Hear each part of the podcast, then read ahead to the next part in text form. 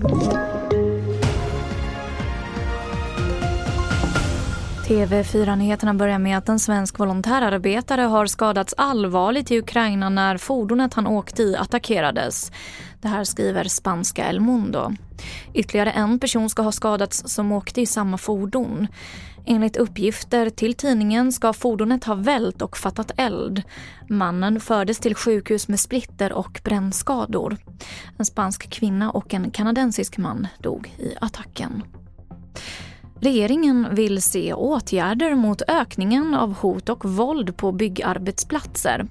Och det är inte bara kontrollanter från facket som råkar illa ut, som TV4 Nyheterna berättade om igår. Det är också Arbetsmiljöverkets inspektörer som rapporterar allt fler incidenter när de besöker byggen. Vi hör Paulina Brandberg som är biträdande arbetsmarknadsminister. Det gäller ju såklart att man har resurser för ett välfungerande arbete men också att man jobbar smartare. Här krävs det ju en samverkan mellan myndigheter som kan vara relevanta i det här arbetet så att vi tar ett gemensamt grepp om det här problemet. Till sist kan vi berätta att förra året så samlade Naturvårdsverket och Myndigheten för samhällsskydd och beredskap in 190 ton miljöfarlig skumvätska från de kommunala räddningstjänsterna runt om i Sverige.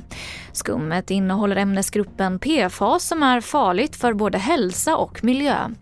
Enligt Naturvårdsverket så kan det kosta hundratals miljoner kronor att sanera redan förorenade områden. Något som dessutom är väldigt svårt.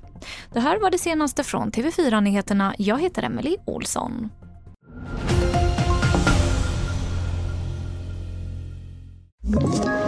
Ett poddtips från Podplay.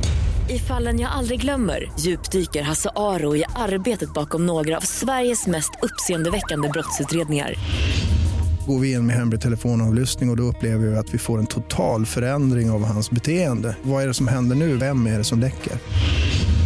Och så säger han att jag är kriminell, jag har varit kriminell i hela mitt liv men att mörda ett barn, där går min gräns. Nya säsongen av Fallen jag aldrig glömmer på Podplay.